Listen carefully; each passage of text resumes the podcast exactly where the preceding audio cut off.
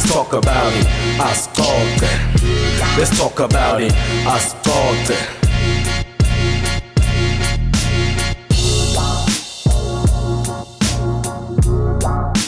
episode 43 we-asixoxe naprince vilakazi uma kwi-episode yakho yokucala pressa follow uma ngabe usilandzela la ku-spotify kanti uma ngabe usibukela ku-facebook noma ku-youtube i-prince valley media pressa subscribe eh ku-episode yanamuhla-ke la ngine-broadcaster ngine-journalist Eh, uma bathi kune-lost generation basuke bakhuluma ngathi but yena ngilomunye-ke lone-podcast le mnanzi i'm happy ukuthi kunebantu labasha labafana nathi-ke but laboye bafune kusifundisa so ubuye ku-conversation that matters. I-podcast yakhe uphinze umsakati la ku-BCR angase ngamuva tinanatela. So nami angeke kuhluphe ukuthi ukuthi ngazi DJ bani bani. Ngandizwa mfowethu. Angibongele lithuba ukuthi ulithethe wabuye wethu akuxoxa nami la ku-asixoxa na Prince Vilakazi ngiyakwamukela nganayo indlela Mphamphetha ngithatha lithuba ngibingelele wena eh, ngibingelele audience yakho. Ngisho ukuthi ngiyabonga for i-platform kuyangijabulisa nami kuba la nawe namuhla bhuti ngikhohle ukuthi uyi-voice over artist. Maye sengive masokukhipha le le voice ukuthi ya uyipheze. Eh ngike ngakuva bakhuluma ngawe la station kusi unothi kancane but into lengichazile le this week angathi ukuthi bodo upload episode because nginokulalela i-conversation that matters ngithi ngifuna catch up. So ngithole le episode lo yende nge Women's Day. Yeah. Ngithanze uma ukhuluma ukuthi eh udlale ingoma yamakhazi uthawambisana nabani le ngoma? Sithandwa sa. So that's inibhekana ngaleyo ndlela yeah but Yeah. stand I know sithandwa sakhe yeah. So far we know. Yeah eh prince mfethu ngiyabonga. Mm. Eh njengoba usochazile eh wangichaza kahle liqiniso konke igama ngiandiswa sibonga Zulu eh by profession ngemsakati. Yeah. ngiphinze ngibe i journalist yes. So ngiphinze ngibe i host ye conversations that matter. Eh ngiphinze ngibonga isupport wena personally lo nginika yona out yami. Na wonke umuntu lo ngisupportayo because we cannot go anywhere eh without lento le. So futhi kuchaza kancane nje i conversations that matter. Leligama lona liyachaza uyabona? Yeah. So basically what we do we just have conversations about issues that matter yabo Yeah. in our society as a whole yabo ngikubona ukuthi lokho kubalekile ukuthi sikhulume ngalethi into lethu because sesaba ne freedom of speech so Yeah. we must use it and we must use it effectively. Of which ngilendele ngizama kuyenda nami out yami yabo yeah. Mhm. Before we sifika lapha because ngibone icala 2020 uqale ngokuthi iandiswa Zulu so kune difference between yalo njengoba seyichangeile ku conversation that matter ne andiswa Zulu yeah there is a big change out yami eh i podcast yami iqale kwasakudlala. Yeah. i was this bored guy yabo wanted to do something. Yeah. i didn't have content. So in 2020 bengisasesigele lapho. Yeah. so i decided to start it podcast. After ngibona iclassmate yami iqale yakhona ngazi no why not i do it? Then i did the andizwa zulu podcast. Yeah. from 2020 bengidila nge-history and uh, politics. Yeah. since i was in school bengenda i-subject politics. So i had a good understanding about politics. So ngathi no let me educate people about politics. Takhumbula nje nangabuka ama-episodes ami asekucaleni ma-guest akhona ama-political analyst. Benginokukhuluma ngesona le nto kanjalo ngeminyaka sidiscusse isona eh nginekwenda ama-political uh, structures ukuthi eme njani bekunjalo. So as time goes by ngathatha ke i-break from last year ngikhani conversations ibuyile eh, season 2 this year. After sengithola i-content ukuthi no let me change the structure. Ngingafocus ku-history and politics phela let me be versatile. Yeah. you understand? Let me talk about the things that matters to our society. Ngizame ukuthi ngi-accommodate as many people as I can of which is what I'm trying to do at the moment. Kuyi-rewind akubuyela back le yini le kwente ukuthi uchoose ukukhuluma ngemlando nangepolitiki? Because ngilento le ngithe ngikubide khona lapha. Because sine bantu labasha sinokuya le. But nama am learning a lot ngemlando wethu lapha nange-history yethu nangepolitiki so yini le kwente ukuthi uchoose le space leso let me start uh, yeah bhuti ngala ku-history. Ukhumbule ukuthi la eningizimu afrika we have a lot of history. Yeah, yeah. and uh, ngithe mangente research ngabona ukuthi bantu labaningi abayadi i-history yala south africa. And uh, the, the government is playing a big part in that. Sithemba ukuthi uhulumende utakufixa lokho. For example we have public holidays Yeah. la south africa. If you can do a research ubute bantu la ngaphandle ukuthi what does youth day mean? Uh, what does human right day mean? Labanye abadi they Yeah. just know ukuthi namhla ngiye esikoleni namhla ngiye emsebenzini le-holiday Yeah. holiday kani? Le-women's day. Yeah. yini women's day? Kwendakalani nge-women's day? Uyabo? Yeah. so i strive myself ukuthi ngizame ukuthi la maholiday lawo ngiwaqhaze ukuthi masikhuluma nge-youth day sikhumbula ukukhumbula lokwendeka ngoJune 1976 bantu abakwadi lokho. Kubalekile ukuthi uyathi imvelaphi yakho awuthami bahlale bakutshela lokho you understand. So it's important ukuthi bantu eh bala South Africa bawathi ma holiday bayathi history yala South Africa. So i decided to step in and try to help shape uh, people's uh, future. About the history of South Africa. So basically this is why I did this podcast yes. Uwathola njani lama analysts esikhuluma ngawo? Ngoba most kuvame inyalo yeso semsakatweni. Uyathi ukuthi okay nokuvama ngithola ama contact ma politician ngibone khona noma ngilalele la ukhulume khona nel council so sikhuluma ngemuntu we youth nyalo. Akusilula ukuthi ungaya kukhuluma nel council because banokushare kusaso no bantu bema radio labadila ngalama issue lawo not nini bema podcast. Khona la ukhulume khona nel council ukhuluma ngema analyst. Ukuthi ayeda tu through ku podcast yakho usuweve analyze so ubathola njani labantu laba? And bakhona ukuthatha njani serious ukuthi ku platform yakho? Mm mm, mm.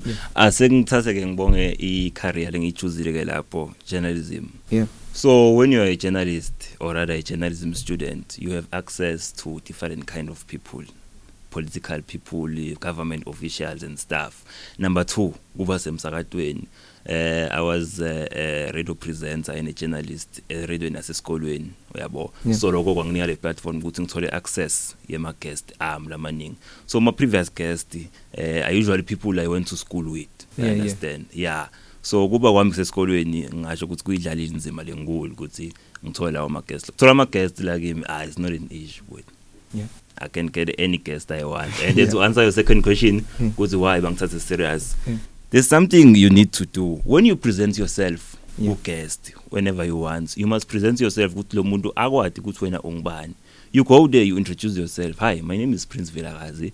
I run a Asicoce podcast. Yeah, yeah. I want to invite you because my podcast deals with this and this. Waze what presenter kahle kulo muntu. Uyabona ukuthi no userious and manje nawe uyastepa in. A assist. Yeah. so which is why bantu balimala kakhulu. Ukwanza ukuthi umuntu akakhona ukuchaza kahle ukuthi ufunani which means umuntu agcine aluze la kuluzayo you no understand yeah sengiwathethe ma lesson ngiyabonga nokuthi ubikise ngami nge asicoce na Prince Vilakazi Yeah. eh angu congratulate nje kumsebenzi wakho because ngibonile achievement yokucala lobe nayo bagcine bakuselecta esikolweni ukuthi uto rana i current affairs. So bonayo ukuthi le podcast itokuthatha ifikise kwezinga leliso or just wena budlala around ukuthi utobona ukuthi ito mix up to be honest i was playing around Yeah. yabo so lokho kube ma achievement ekhamba kwesikhathi. But honestly speaking the reason why i started this podcast Yeah. ukuthi ngithi train mina ukuthi kule field ye broadcasting ngihamba njani. If you can quickly look at my uh, previous episode cala nje emuva uzofika kule recent episode. Yeah. Kunemehluko stepis Yeah. awuthi yami in the recent episode ngiyabhetha lapha angwa edit ayabhetha yabo? That's how i learn ukuthi no Yeah. i need to learn this yabo? Angifuni kufana nokuthi i need to do perfection yabo? Ngifuna ku-edita ngishaye nge-sound le right no Yeah. back then I, i used to use my phone actually Yeah. ngipress ifone ngirecord ngiheme ngiheme ngente ama-mistake ngi-upload Yeah. yabo ngingananzaba ukuthi okay bantu batothini but for me it's a way to grow Yeah. yabo so when i get time i do listen to my podcast every episode ngisho ukuthi okay la ngendaliphutha leli but the next ngalungisa leli phutha njalo njalo njalo up to so far so yeah ngasho njalo bhuti wami then yini leli le ukuthi i change enyalo isale iba i conversation that matters? Ingasabi ngile an- an- it's andiswa Zulu podcast because yes lapha uqala udlalela around i growth lo ibonile ukuthi no bantu bayifuna but let me focus on this thing. In le nto ukuthi usale uyikhulisa mm, new content. Yeah. eh i-content ibalulekile out yami yakwazi nawe lo. Mm. so i have developed a new content. La khona sengita ukuthi I want to change my podcast and make it conversations that matter. Yeah. So we deal with everything from health, from education, everything. Yeah. So another thing is that I'm a member of an international group. Mangazo yabuka my recent uh, two, Two episode, episodes. yes, yes. Ngitshela nabantu ba international. yeah Sengikhuluma nebelungu. I don't mean to brag. sokhuluma no, nebelungu I don't mean to brag, Yeah. but uh, um, uh, the success of my podcast, I was invited to be part of an international group. It's Yeah. actually online where you can exchange, uh, you can get guests eh about anything. Uyaregister lapha usho ukuthi podcast yakho imalana ngani ngani ngani. So whenever there is a guest for instance nangabe nje kune guest ye political analyst Yeah. bayanginika lapha ama guests then i contact those guests ngisho ukuthi can i please have an interview with you? Yeah. so far so good. I did two interviews ngebantu baphesheya. Yeah. eh the first one was a doctor. Besikhuluma ngalesinye sifo kuthiwa i tall poppy syndrome. Yeah sitokhuluma ngayo ngibani Yes. Dr Gerald. Dr Gerard Yes, bese yes, the yes. second one we were talking about the communication. Yeah Yabo. ngile recent one? The recent one lapho ngikhuluma khona ne-out yami uyi-specialist yabo. Yeah. so kiwo onke lama-conversation engikhuluma ngawo. It's something general something Yeah. that is affecting our society. It's not something deep yabo. It's something now lo wathi ukuthi so far so good iyak-affecta so i'm trying to analyze that ngento esho ukuthi bantu baba naleyo information. Yeah. so yeah that's the new content. Ngagcine ngayitshintsha ngayendi conversation that's matter. Leli gama lona liyachaza yeah. Ngidofuna sikhulume ngalokunyenti le ngikufunze lapha utokhona chaza ne toll pop ngoba bengisanilalele but kumuntu lolalele nalobukelako nyalo kumpha i-background yakho because ye so ukhulumile ngale tinto leti. Sebabona ukuthi okay siyaphi vele iyenteka lento le sitobanika ukuthi balandzela njani uvelaphi ungubani? Sitokhona kuthola ukuthi ufike njani nasesikolweni nale career sithole ukuthi uyichoose njani. Mm, mm, mm, okay. Eh andizwa Zulu. It's a simple guy. It's a normal guy. Eh lokhulele enzaweni yasenhlazatshe khona la sifundeni sami sempumalanga. Had a normal tri- childhood. Uh, um, I can say I'm an extrovert. I love people. I love being around people. I am loud. Yeah. understand? ah yeah So yeah, growing up ngakhula ke eh then it was time to go to school. I actually wanted to do public relations yeah. because I love marketing. But due ukuthi angizange qualify fully. Yeah. I had to enroll for journalism which was my second uh, option. Yeah. I don't have regrets studying journalism. Yeah. journalism meeting i-passion lenkulu kakhulu but I've managed to start I have a diploma I've Mm. studied three years. So one thing I love about journalism I was exposed to broadcasting of which ngilendo lesiyendawo manje of which is something I love. Yeah. so much. Because I remember growing up me and my little brother we used to start the phone your mama still record. We used to interview interview each other sorry. You understand? Yeah. little did I know ukuthi I can do this for the rest of my life. So Yeah. when I was exposed to broadcasting I fell in love man. Mm. so I thought to myself ukuthi no why don't I do this? Which is why we are here at the moment njengamanje yabo? So I decided to make my i-mic my new best friend. Yes, njengoba yes, ngihlelekile kwayo njengamanje. And Yeah, so yeah. far so good. It's going well for myself. So njengoba sikhuluma ukuthi wenza i-broadcasting ne-journalism i-broad ngikuphi lokwendako because i know ukuthi ungasenda sports you can do voice over. If balalele even eh, ku-episode yakho khona lokusho ukuthi okay ku-career wise yakho ngiloku lofuna kuthasha kuko. So ngikuphi lokwendako nyalo the key is to do everything. Yeah. That's what we are always advised to do. But eh, it's uh, kukuwe ukuthi wena where's your strong point? And Yeah. then you have to follow. For let me make an example nge-journalism i-journalism is very broad. You can do politics in journalism. Uh, you can do law in journalism. You can do economics uh, accounting in journalism. Yeah. you can do broadcasting which is what i took mina. I took to do broadcasting. So njengamanje i'm currently a radio presenter emsakadweni i-psr fm la ekhaya empumalanga uh, i'm an upcoming voice over artist. Yeah. so khona iproject lenkulu ye-voice overs lengisebenta kiyo. Uh, i'm going to announce soon. So i'm planning to do i-pod podcast uh, nema-voice overs Yeah. you understand? So basically i can say i've chosen broadcasting. i mean out there yeah. So nithi inzatheli bayanchuzela kulesikoleni ukuthi no wena utofocusa njengoba sitokhuluma ngale conversation that matters ukuthi okay bofocus ku history ne what is this thing? Politics. Ne politics banchuzela or kuba into lengithandza ukuthi okay mina ngilofocusa kuloko then kunalabanye lobo so mina ngilothandza sports ngilofocusa ku sport but still ngibe i journalist ngiyosesha kuloko I wouldn't say uh, I wouldn't use the word choose out here. They just advise. Angini ma lectures eh ngiwo ke la la overseer wena performance yakho ukuthi wena u strong kuphi. So once they discovered ukuthi no uh, Prince u strong ku broadcasting other than ku sports journalist other than ku political journalist yabo asithathe Prince simendise sports. So there come a time ku journalism la nenda khona ama practicals Yeah. so that's where you ubonakala khona ukuthi wena kahle kahle umephi yabo? So second year kahle kahle when you doing your second year you are exposed to practical. Niyaphuma nima journalist niyokhava ama story so ngila kubonakala khona wena ukuthi u strong kuphi. So babona ukuthi u strong ku sports bayakuthatha baku-advise ukuthi no do sports yekelela lokunye. If you strong ku broadcasting no be a radio presenter be a TV presenter. Be a political journalist you understand? That's their job. Yeah. nakuwe ke mawubona ukuthi no vele ngistrong la. You take the advice and then you follow the new journey icala kanjalo nje bhuti then ihluke njani le journalism yini because kune newspaper nayo solo lo muntu obhalako insatheli kunalala abadila ngema camera then kunalala abasemsakatweni Mm. Eh lapho ke kune print ne broadcasting. When we talk about print sikhuluma ngeliphepha, a newspaper ngilawo still you can be a journalist, you can be a print journalist lapho ubhala emaphepha. Then broadcasting i radio and TV. There is online la semaningi ma, ma news site la ubhala khona online or upload editor takho. So that's how ihluke njalo ke journalism. It's broad. Yeah. It's broad. so kini ngasakubaleki ukuthi nifake luvo lenu why nguna ku understand because nani nibantu niyabelonga la but ngathi luvo lenu alikabaleki There's this thing in journalism ungibuyisela esikoleni Vilakazi. Yeah. There's this thing in journalism called uh, journalist ethics. Yeah. So when you are a journalist it's important ukuthi you must uh, always uh, upload your ethics. Lo ethics lo kufaka iobjectivity, kufaka iaccuracy. As a journalist you must report the truth. Yeah. Only the truth. As a journalist you must not be biased. Hmm. You must report both sides of the story. Nangabe umphakathi uthi imeya intshontsha imali, Hmm. ureport umphakathi, uhambe ulanze imeya, ureport el side le meya. Uthathe le story less nalesi uthlanganise la. That's accuracy in journalism. So uyabona ukuthi awusangeni wena la. Even though wena ungabona ngazi umphakathi uqinisile kunemeya Yeah. because you you understand that better yabo? You are doing the story. Nangilo interview umphakathi ngitshela ukuthi hayi no imeya so uhamba interview me uyibona imeya ukuthi hayi ngendlela iphendula ngakhona. Hayi imeya ngathi khole kufihla. You still not allowed Yeah. to take side.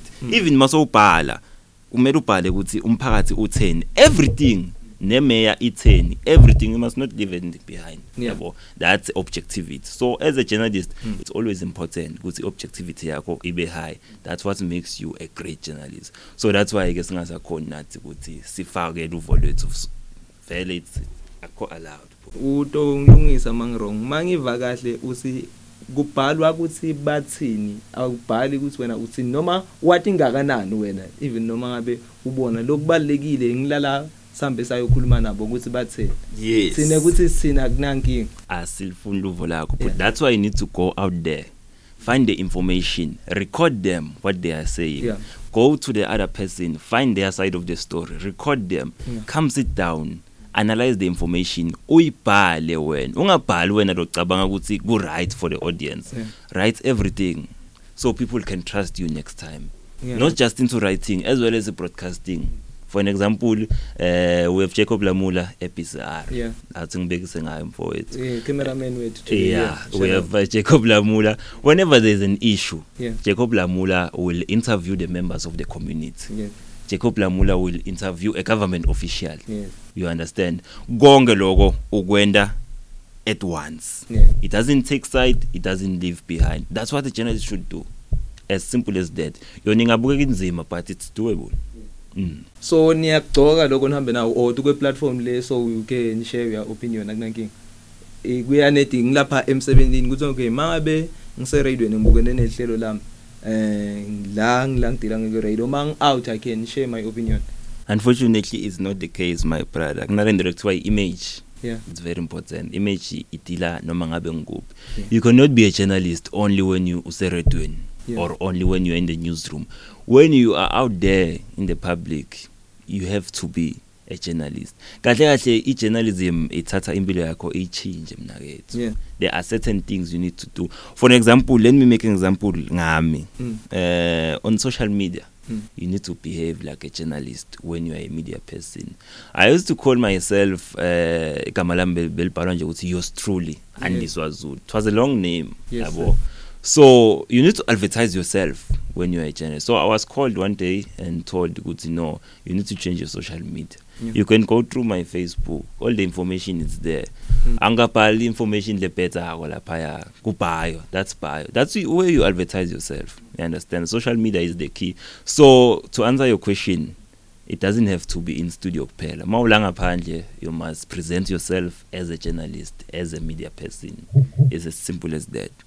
Then asikhulume ngoba umuntu lomusha la but isikhule kwe situation lefana ko sathi ukuthi mhlambe ma journalist kubantu labacindzetelako. Loyo kuba umuntu lo ti decidele eh or kuba i-company lethithi then if let's say ubulale ubhale mhlambe ngami kabi nani nani kwentekani kuwe wena as a journalist? Kunethinto letikhona leba dila ngawe ngathi Mm i organize media organization Yeah. inemthetho wakhona but uyahluka. I cannot dwell much kuleyo issue but what I can say nangabe ubhala manga that's called blackarism or nje nje umsebenzi walomunye umuntu uwende wakho. Yeah. that's totally unacceptable in journalism. Uh, you can lose your career you can use you can lose your license as a journalist. Awendiwe that's why esikolweni they try by all means ukuthi bakufundzise usengakaphumi uyawenda i-field work. Ukuthi you cannot take someone's uh, work and make it your own work. Mm. so kunalento lelo kuthiwa i-defamation ma-journalist ayasafara kiyo kakhulu. That's why ku-journalism uh, there is a subject lekhuluma nge-law ma-law ladila ngema-journalist. Ukuthi nguphi umthetho eh lo dila nema-journalist you understand? Yeah. so kubalulekile ukuthi le subject leyo uyade uyifunze. Njengoba uma uphuma laphaya utowadi ukuthi no ma-rights ema-journalist yini? So the basic right of journalist we as journalists have a right to access information. Yeah. we deal with information. So ma uwati ma-rights akho uyi-journalist it's easy to work. But ma ungawati ngila khona into ogcina ubhala khona titori eh letingasimanga and then they will sue you and your organization. Yeah. People babayasuwana mina ke noma ubhala manga ngabo. And the moment ubhala manga they- it means you are a fake journalist. Yeah. and aba abafocus kuwe bafocus ku media company lo sebenza kiyo. Yeah. Mawusebenza ku Daily Sun bathothi i Daily Sun ibhala manga Yeah. where else your colleagues are writing uh, good stories but ngenxa ye story sakho i Daily Sun seyilimele yonke. So that's the painful part. As a journalist ukhumbule ukuthi you're not working alone you are working for an organization. At at all cost you must respect.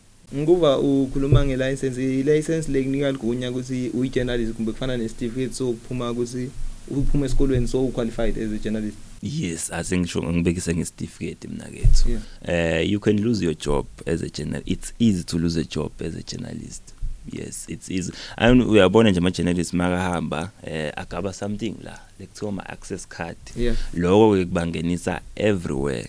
It's not everyone longathola leli card lelo you need to be a very qualified journalist to get that card we understand? Lokhu mnanzi nje ngaleli card eh ukuthi likulethela ukudla kwamahhala or attend ama events. But ke it's important Yeah. eh ukuthi ube nalo. And abakuniki lelo card lelo nangabe you are not a qualified journalist. Yes. Since uqalile ngwabi ma achievement yakho because yes we lalela online. Yes kimi sengivile la abantu lo khuluma nabo kimi. That's an achievement. Ukuthi as a startup let's say asithi startup because my podcast is not ukuthi into lekhulu sibaningi but li- kuze ukhona ukukhuluma nelikhansela umphakathi shothi yes uya recognize lo msebenzi wendawo i think that's why ula nalala amanye ma expect lo khuluma nawo. So ma achievement yakho wena since uqalile ngwabi Uh okay, I don't have much achievement Yeah. but njengoba sokuchazela nawo my podcast maning out there I'm like in nowadays everyone is making a podcast. yes Eh Chichilamin when the podcast nyalo ya trenda lo mfalo omunye zinga when the podcast so a lot of people look after yena go Mike G Yeah. since he's, he's number 1 in the game. Yeah. So what's important rather is the content njengoba ngisho. Mele wazi ukuthi podcast yakho idila ngani which will make it different from other podcast yabo. So i-achievement yami mina kethu ngilokuthi that's where I, ass- I I assess myself ukuthi Okay. so far so good kuhamba njani esayidini lami. Another achievement is that i'm using my podcast ukuthi nami ngithola umsebenzi. Yeah. So i-podcast ibalekile eh ukuthi uthole umsebenzi kule field mina nawe lesikiyo Yeah. i wouldn't be here if i didn't have the podcast because people would, would have believed in me. Oh. we understand? So and lenye into i-podcast ita ne-confidence. Yeah. We understand? So it's easy ukuthi ube i-radio presenter if you are a podcast because you are used to this. Yeah. We understand? So ita nema-achievement lamaningi even though amancane. I have plans uh, i have objective as the future so i will work hard until uh, i achieve those. Yeah. Asikhulume ngale syndrome ebenikhuluma ngayo na Dr. Gerard? Eh njengoba sokhulumile na ngiyacabanga uto khona kusihlephlela kahle ngesintu. Ngoba nami bengicala kuyiva ngani nisho ukuthi kunyenti lenkufundzela ule conversation that matters. Yini le tall poppy syndrome? Hey mnakethu Yeah. nami bengicala give Yeah. i was approached by these guys uh njengoba ngisho ukuthi i'm part of an international uh, group. Yeah. i was approached by these guys but bacela uh, ku advertiser itall poppy because bantu abaningi abayadi. Yeah. and myself i wasn't aware. So that's why i said no let's talk about this. There are many disorders. Uh, i cannot share much information because i'm not an expert. But what i can advise good bantu nabe bathenga information they can quickly visit. The podcast is there. Uh, dr. Galandu unayo yonke le information. Yeah. because ngizocala ngiheme ngiheme ngikhulume manga mina la. All i did i did the, the work so bantu nabafuna information ngicela kukhwesha kancane nje mfowami phephetha ngingakhulumi kakhulu ngayo. Yeah. eh. Then for future njengoba bosowushito episode yokucala le ku video seyivelile because ngilalela ushito ukuthi okay so plana ukuthi ufuna i conversation that matters ibe ku video nala sesuku video so yini lokunye? Then ukhulume nema international sicitha kubala abantu labayithunya lozokhuluma nawo yini lokunye le singa expect Mm, okay, let me change this a bit. Okay, bekuyiplan yami vele ukuthi I do video podcast. yeah But ke everyone is doing video podcast Yeah. now, you understand? So I decided no. Let me stick to audios only because guys, let's understand this. Radio is audio kahle kahle. yeah Yes. So I will do a visual project which is my my voice over artist. Yeah. Uh, i- i future yami le a future plan yami le. So I'm planning to do voice overs. Uh, I'll be advertising products, uh, just putting my work out there. Yeah. Then I will take those audios uh, and put them on YouTube. Ku-youtube yami ke kutagcwala ama-voice overs rather than i-podcast. So i-podcast yami ngiloyichuba um kuma-platform lengiwachuba kuyo which is anchor spotify as well as apple music. Mm. so that's the plan going to future. And another plan is that as i've already begun ngikhuluma nema-international it's actually there's a different out here because i've did uh, lots of interview nebantu bala ekhaya yeah yeah yeah Yes, but there's a different when you talk about someone who's local and when you talk about someone who's international. Kuba nale fear le khona, but ke there's a huge difference and ngiyayibona le different le.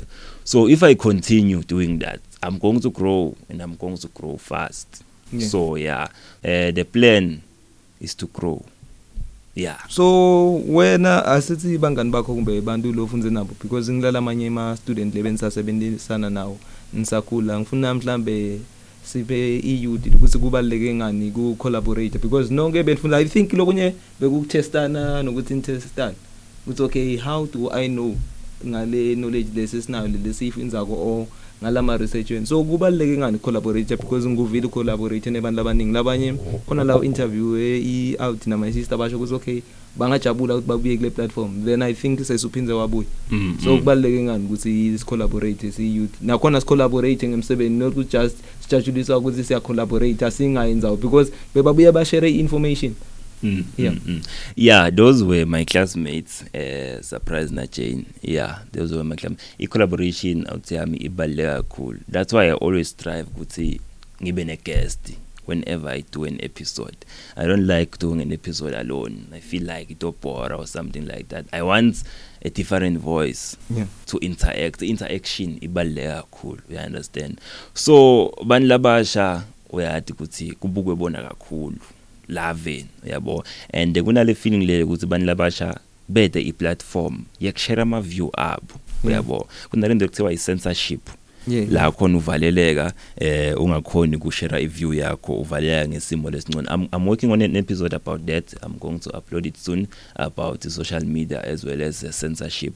La into khona khona understand ukuthi what I'm talking about. So what I can say right now ukuthi I'm trying by all means to engage young people. Kule podcast yami ukuthi let's share our views. Let's put our word out there. Sikhulume sive ukuthi sikhuluma ngani. And so far so good. It's going well. So i can say ukuthi collaboration is important if i can state in that aspect. You understand? Then yini into lekunike ukuthi okay ube ne confident ukuthi angiqhubeke la because yes sine ama podcast uyawabona la lana namuhla mawufuna ku trend eh kufuna ushaya mhlambe i podcast letsite but wena yini lekwenda ukuthi no i'm going to stick here ngiqhubeke ngale education yami le ngibanika yona na le history so what motivates me a lot it's uh, three things Yeah. me myself and i okay Yes. so into le one me myself and i but the three things Uh, I'm my biggest inspiration. I'm my biggest number one fan. I don't have, mm, I don't have what you call a role model. Okay. I, I know it's strange in the broadcasting uh, community Yeah, ukuthi ungabi ne role model. I mean you're a radio presenter but you don't have a role model. To be honest I don't have a role model yeah.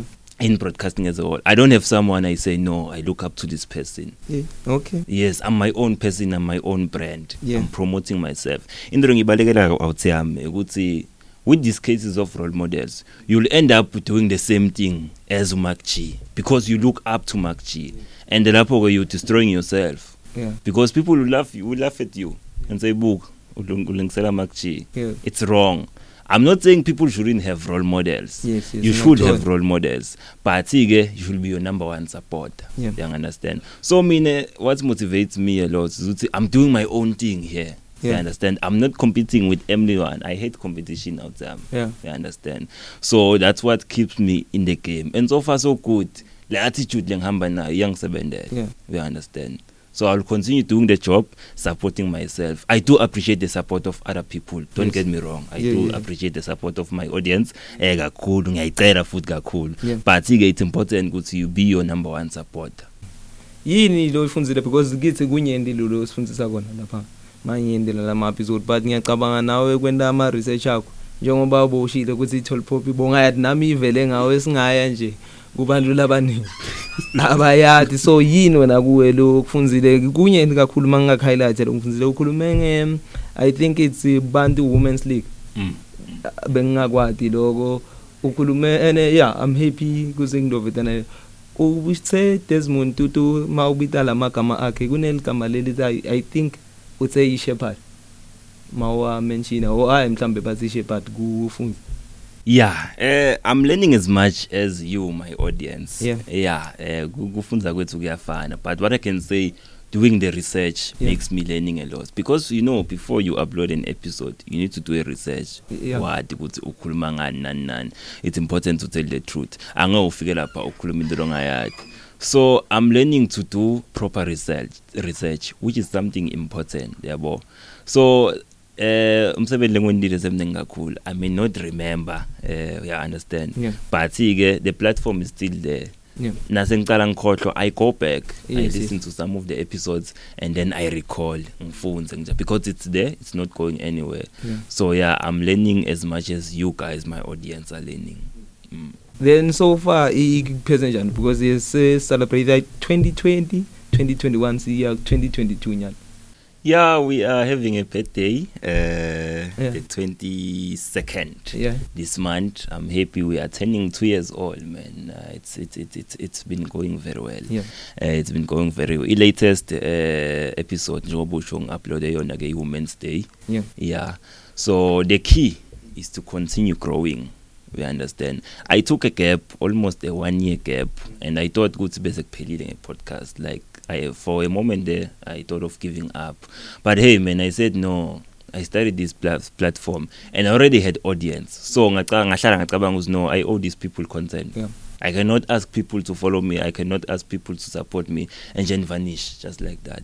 So I motivated myself yet again. To know. Let me continue. Kubuta mhlambe manje ufuna usichazela yini lekwende ukuthi ufune ku relaxa kancane uyishiye because yes mhlambe ngabukana nale challenge leyo nami we doing the same thing or we in the same field nemntwana lomusha mhlambe khona lo wenda i podcast Mm, mm, mm.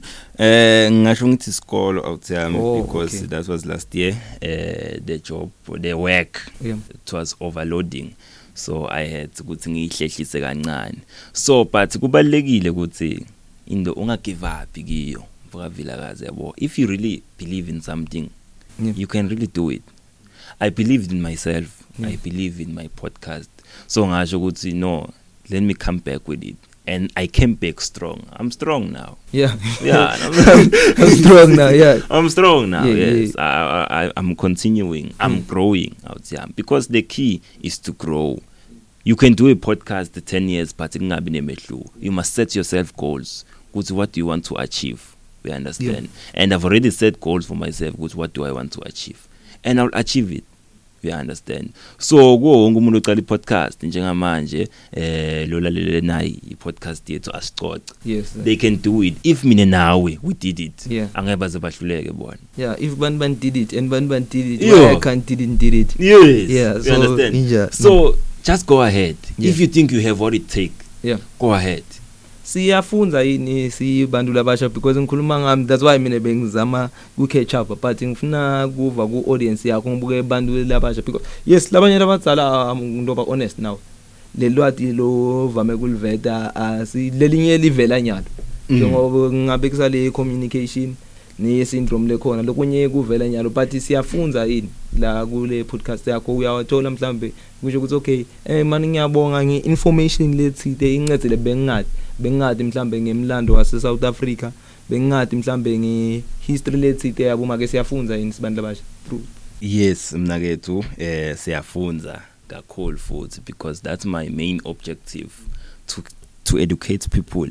About lama issue eh labangawuboni nawe ukuthi bayala so as uh, since i'm using anchor i-anchor ine analyst la ikulethela khona ukuthi so far so good i-podcast yakho ime njani who is supporting you and what? So mangithi nje ngibuka i-age eh ukuthi i-age ime njani i-audience details ukuthi ime njani bangaki kubantu labangilalelako yabo so i know ukuthi i-dominance kudominate abantu between the age of 28 and 20 and 34 Yeah. ngibo bantu kakhulu labalela na i-podcast. Kusebantu labasha. Yeah, yeah. Eh, yeah. I think that's the audience i really want uh, between 28 and 34 then number 2 uh, it's uh, 23 and 27 and 18 and 22 yes that's that's the kind of people i'm looking for because we are educating people here. So i can say ukuthi no so far so good everything is going well. Angicala ngokuthi ngihappy ukuthi uchoose icontent lesona akusithi sonke sibantu labasha lebe singaya lokunye ngijabula ukuthi uqhamuka vele indolo uqhamuka nayo and eh, ngijabula nalokuthi awuka give up kunyendi lengikufunzile still ngisatofunza eh ngifuna kuba honest. Ukuthi mina kuyo supporta le platform lesi. Not ukuthi angisupport ukuthi ngisupport abana nani ngifuna le information. Lele la. So kutoba kimi but ngihappy ukuthi kunebantu labalingana nathi but laba sasikhathalele bafuna ukusinika i-information leso sigcwele kubo social media. I don't think nasesikolweni kuba honest siyitholile le information leso we didn't awutsiyami eh we didn't. Njengoba usho ukuthi our new generation we deal with one thing. Yeah. it's entertainment. Yes sir. You understand? So you can look at all those podcasts lagcwela ngaphandle la run abantu labasha. Yeah. it's entertainment mostly you understand? So i wanted to do something different. Fine you can call it boring. But it benefits someone out there. Yeah, yeah. It, it may not benefit everyone like entertainment. Fine entertainment news is everywhere. So it's easy to get traction uh, when you are running an entertainment podcast because there are always scandals. Sodwa abantu wente loku ko did this you have content left and right. Awuyisweli content. But i wanted to do something different yabo. I wanted to educate people. Ngithatha education ngithatha information ngiyibeke laphaya. Hmm. Athi umuntu ukuthi if i need this kind of information i go to conversations that matters podcast Yeah. that's what, what i want i want to do that's what i was trained to do you yeah. understand so i appreciate uh, wena nawuthi you are looking for information when you are browsing my podcast not because you know me ukuthi okay uh, ngi-out yakho but it's because you believe in the information i always strive to Yeah. deliver accurate information i'm a journalist but Yeah. whatever information i put out there it's verified you understand yeah i love the ownership le like le journalism yeah, yeah i love it Yes, it- It's verified. I mean, not like journalism, but I've learned a lot. Yeah. Good journalist. So it's important. Good. Still, even good social media. Good. Utphatha njani Yes, as a yeah. journalist. So that's what will make my podcast a little bit different because I know the aspects. I know uh, the objective that I need to to to to adhere. Yeah. You understand? And I'm doing so. Kune episode la nikhulume nge digital journalism since sikhulume ngayo nyalo tinto setiyachinja eh ama newspapers eka digital konke kuya digital so umntwana still lekangafuna kwenta i-journalism nyalo angakhona kuyenda angene through abe ku digital Yes, uh, digital is the future, my brother. Yeah. In everything, not just in journalism. Now Yeah. we understand the law. But it's going to take time to kill newspapers. I mean, newspapers has been there for a while. Yes, yes, Ukhumbule ukuthi ama-newspapers afika kuqala before i-broadcasting. Yeah. I-online it's new. Just that ukuthi it's dominating, but it's still new. You understand? So nangabe kunemvana lohlele ekhaya wants to enroll for journalism. Maybe lothanza kubhala you can still do it it's fine. Just that ukuthi yona ke i-digital it, it, it, it's the dominant one. Yeah so bear in mind loko nje kuhlala emqondweni wakho ukuthi i-digital they are trying by all means to make digital yona nje vele basale bayikhansela i-print ma-newspaper sale ehamba. They Yeah. are fighting for that. So hopefully they're going to win that battly but we shall see. No we shall see. So hopefully. Yeah hopefully because Yeah. it's, it's difficult. I Yeah. mean newspapers has been there for a while man. Newspaper journalism uh, ma-journalist lamatsala bekabhala ama-newspaper. So they are trying to destroy that. They are trying to build something new digital. Tinto stende online. Tinto tshintshile nyalo. And uh, i-technology iyakhula every day. 10 years to come sobe sihamba ngetimoto emoyeni mavili kobe sekungekho. Yeah. We understand. Yeah. so when we are growing we must grow everywhere. Yes mm. so isikhathi sokuphumulani yaba naso or ufuna nihlale in research every time ufuna kuthola ukuthi uyathola spare times and because i knowledge lengasho ukuthi lo abanayo ngakunotice nasikhathi ufika la radio even ne general knowledge niba nayo ne ne entertainment kuthi bangakunika yes uyi journalist uyi journalist but uyi broadcaster as well. Kuthi noma bangakunika i kusehamba ku sports uyaya ku sports then do politics. You can go to politics. Eh do noma show. Ungayeni noma show. So niyake nimphumule. Because kumbe ni- al- always vele kufuna ni fi- nithi feed nge-information. Hey, the key put is to always feed yourself with information, as many information as you can get. Ukhumbule ukuthi mangithi when you process or rather when you present yourself as a journalist lapha ngaphandle lo chaza ukuthi bantu babukela kuwe for information. People are lazy to to to to to search for information. But mangadi kuthi kuna Prince Vilakazi lo journalist ngena ku Facebook profile yakhe Yes. ngibuka ukuthi u update 10 usakhawula ya yes. That's your job. You are a servant but for the people Yes. you wafunga. Yeah. yabo that's the painful part about being a journalist. Yeah. you don't live a normal life. You live for the people not for yourself. Yeah. you understand? But ke uh, you are trained to do that. Yeah. Yes. And if you believe and if you have passion kuhambe kuhambe gcina sowujwayele. Uyekela letinye tinto bese inorm yakho ma hobbies akho kufuna information. Always strive to update the people ngaloku lokwendakalako yes ku sports everywhere. So that's why but now a journalist you have to be versatile. Yeah. You need to be yeah wende konke lokhu kubambe lokhu kubambe lokhu kubambe. So that's the trick. Once you have done that ah mina kwethu uyibambile. Eh sikhulumile la solo sibahlephulelane information. So mabafuna ukuthola le information lesikhuluma ngayo balandzele i conversation that matters bayithola kuphi ku social media or kusi bayilalele bayithola because nyalo balaleli asixoxe na Prince Vilakazi. Yeah uh just go to facebook guys and say share conversations that matter Yeah. with andiswa. It's a facebook page Yeah. about my podcast. Immediately ufika lapha kune link letokuthatha straight ikise ku podcast. My podcast is available on different platforms uh, mainly Anchor obviously eh iGoogle ikhona eh, iApple Store ikhona and lamanye nje. Semaningana because I grow I've been growing. Or you can follow me myself personally ungene Facebook yakho and search Andizwa Zulu I always ilink ye podcast yami ihlala ikhona lapha Yeah. and I'm motivating people uh, for the support. Kuthi ke if you want relevant information if you want to have a conversation that matter it's fine. Everyone is open to come and talk to me by the way. Yeah. Uh, yeah uh, if you think you have something that you want us to have a conversation about something that you feel like the people need to know i'm open. Yeah. You can write me an email you can contact me.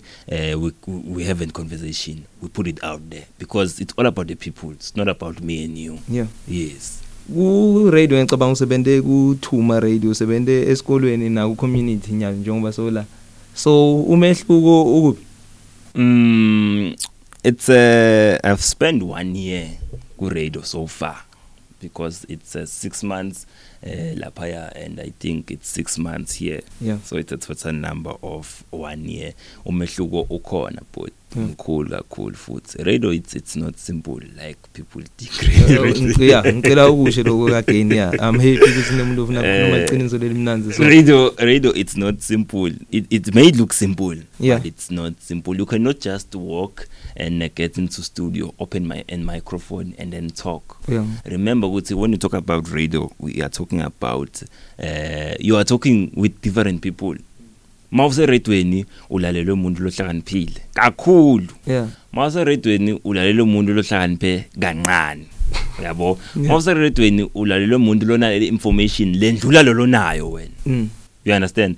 So the trick is for you to accommodate everyone. Yeah. that's the difficult part. Yeah. yabo mawathi ukuthi ukhuluma ngetopic leso kumele wathi ukuthi u-accommodate nalo muntu lothatha kancane ku-understand at the same time u-accommodate lo muntu losheshe a-understand. But so far so good i can say i'm doing well for myself. Yeah. yabo? Yes i'm not trying to close i'm not trying to brag or something like that. I'm learning but but yofunda uzuyofa so far so good. I'm learning i'm happy to be here. And uh, yeah so far so good. My career as a radio presenter is going well. I'm happy where i am. Then umuntu lofuna kukuva ku radio ke eve kuthi okay lo mehluko so ukuphi ngala? Angakulalela kwaphi mahlelo nakusiphi station Yeah, uh, I'm currently a radio presenter at Babaton Community Radio, uh, commonly known as Ipisar FM. Ikhona la ikhaya esifundeni sasempumalanga uh, la eBabaton. It's a Pisar FM. Ma megahertz it's a 104.1 bese ke ilinki labafuna ku streamer yeah lo lo mthwalo ngidawubeka kuwe but eh but but ayithola la kule platform yakho ilink radio so that's where i working so usually uh, i'm a sports news yes. So ngiyatholakala weekdays from half past 7 ekseni Yeah. up until ngo 5 past 12 i'm doing sports lapho nawuvula i- umsakazo ngalethi khathi leto eh udongiva nje ngenda sports. Bese ke on saturdays I do a music show. Ngenda ke hlelo kuthiwa iTalk 30 kiwe emsakazweni Pisar FM eh from the hour of 9 until the hour of 12 eh nalapho ngitholakala. Bese ekseni Monday every Monday from 2 ekseni ngiyazi ukuthi bantu balali. From 2 ekseni until 5 I'm doing the Monday groove. Yeah. still my voice. So if you want to hear this voice eredweni yeah hla- vula umsakazo wakho ngale podcast then I'll be there. I'll be there mm. no mfethu kule platform lena sibungata abantu labenta umsebenzi obuhle sibungata abantu laba inspire ko sibungata abantu laba sikhulisako so kokucala nje lengihappy ngawo ukuthi umncane but udecide ukuthi eh uhluke kunathi but uphindze uthi hluphe ngathi because ubonile usilahlekile utosharela information leso. Njengoba ngisho ukuthi i-platform yakho ngiyayithanda angiyithandi because nguwe ngifuna kuba honest njengoba angiyithandi because nguwe ngiyithanda so ngile information. Uma ngilohlala ngingayisupport ngilobe ngithi limate mina not ukuthi ngilobe ngithi limate wena. Mm, mm. because angeke ngiyithole noma ngikuphi le information leya. Angi research i'm happy ukuthi set package ukhulumela enye into lebalekile ukuthi nini nima servant kithi so kufuna udeliver. So i'm happy ukuthi le information leyo yasideliverla ngilohlala ngifundza eh kimna i free education. Yami and i'm happy ukuthi akukendeki liphutha sangahlale sangakucelebrate. La bekubalekile ukuthi sikucelebrate nga- ngalendlela lena celebrate nemsebenzi wakho. So i'm happy ukuthi udile. La one more time lofuna kulandzela i conversation that matters uyithola ku. Yeah, but it's an honor and privilege to be here, Yeah. and it, it's it's my first time being interviewed. yeah yeah, Yeah, I mean I usually do your job. I interview people. I don't get interviewed. yeah. So yeah, uh, it's my honor. And uh, last but not least, what I want to add is that I'm not really concerned about followers and stuff. Yeah, no, yeah. that that's not my main concern out there. Uh, I'm co obsessed. Kanga was no. I need to get as much followers. I need to be better than a Scott. No, the main objective is to put the word out there for the people. Noma kungakuthatha 3 years Yes. ukuthi u- u- usubscribe ku podcast yami. It doesn't matter. As long as ngi-uploade i-podcast eh nge-Tall Poppy yeah. Someone after 3 years will come back and listen to the same podcast. I mean it's there. Yeah. You understand? So that's the trick. I'm obsessed about giving people relevant information yabo? So followers i'm going to get them. But lo ukuthi angekuthi do you deliver what you promise? Because the importance is to deliver the competition is high but there are many people doing things out hey there yeah Baningi ngopodcast kakhulu. even naku anchor njengoba usho and i'm happy ukuthi unokusho wena ukuthi vele ma ugreta my international subscribers and everyone my people because you know ukuthi okay awusi la mzansi kuphela Mm, me me eh, vele ha- lapho ngiyabreak out yeah that's Yeah. the only thing i'll brag about Yeah. i deal with international people Yes. you understand it's hard work my brother Yeah. there are very there are a lot of people in anchor Yeah. so kusebenzisa i-anchor mina kungisita kakhulu yabo. So that's why i decided not to go to youtube because everyone is going to youtube. Everyone is doing video podcast.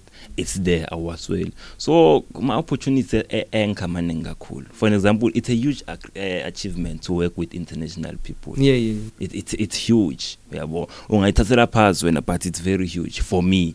So i'll continue doing so. Njengamanje nje uh, i'm working on some few episodes. And i'm going to deliver. As no promised. eh keep going. We future eh i'm happy ukuthi kwala Mpumalanga number 1 and i'm happy ukuthi ngimithile. So keep going. Stofunza lapha kuwe but ngikufisela lokuhle yena sempilweni. I don't know ukuthi leli hlelo leli lokuthatha likubeke but la ukufise khona kumbe la ufuna kukisa khona alikise le information kwanale esinayo. Usinikile but sichubeka usinike stofunza kuyo ngiyabonga ukuthi usivakashela appreciate the platform again my brother. Eh, ngibonga kakhulu futhi ku-audience. Asicoce eh, i hope to come back. Again and i will return the favor. I will have you in my podcast. Senika nika. Yeah. uh, but last to answer your question njengoba sengishilo guys if you want to follow conversations that matter we do have conversations. Just quickly go to facebook and search conversations that matters with andiswa. You'll find uh, the page there. Please uh, like. Yes and then you can follow me personally at andiswa zulu. Ngibona now. My profile iyachaza lapha ukuthi no i'm a journalist. Yeah. i'm a voice over artist. So yeah man we will work. We will work out there. Thank you so much for the platform. I appreciate it man. Iphelela la asicoce na Prince Vilakazi ke ungasifollowisha khona la ku Spotify but mangabe uyasibukela la sibukela khona Facebook page it's Prince Valley Media na ku YouTube channel Prince Valley Media. Eh 20 mhla ka 20 eh wenzeni my poetry competition iyachubeka ke injalo ke se 420 ena sport. Mangabe ufuna computer buya auto compete and competela for 500 rand ufika ku register ke lapha uyo perform i perform i poem lay one. I mean mhla ka 27 kune Barberton Poetry Workshop ethandana ne Home Base Care. So mangabe wenda i poetry ufuna kungena ku workshop buya ke nakhona lapha kudzingeka i pen i paper then ne poem lay one. So ngoyi 3 lokudzingeka lokho. Lokunye into okuthola nje ku page lethu Facebook it's Prince Valley Media na ku YouTube njalo Prince Valley Media. Siyabonga. Let's talk about it. Ascolte. Let's talk about it. Ascolte. Let's talk about it. Ascolte.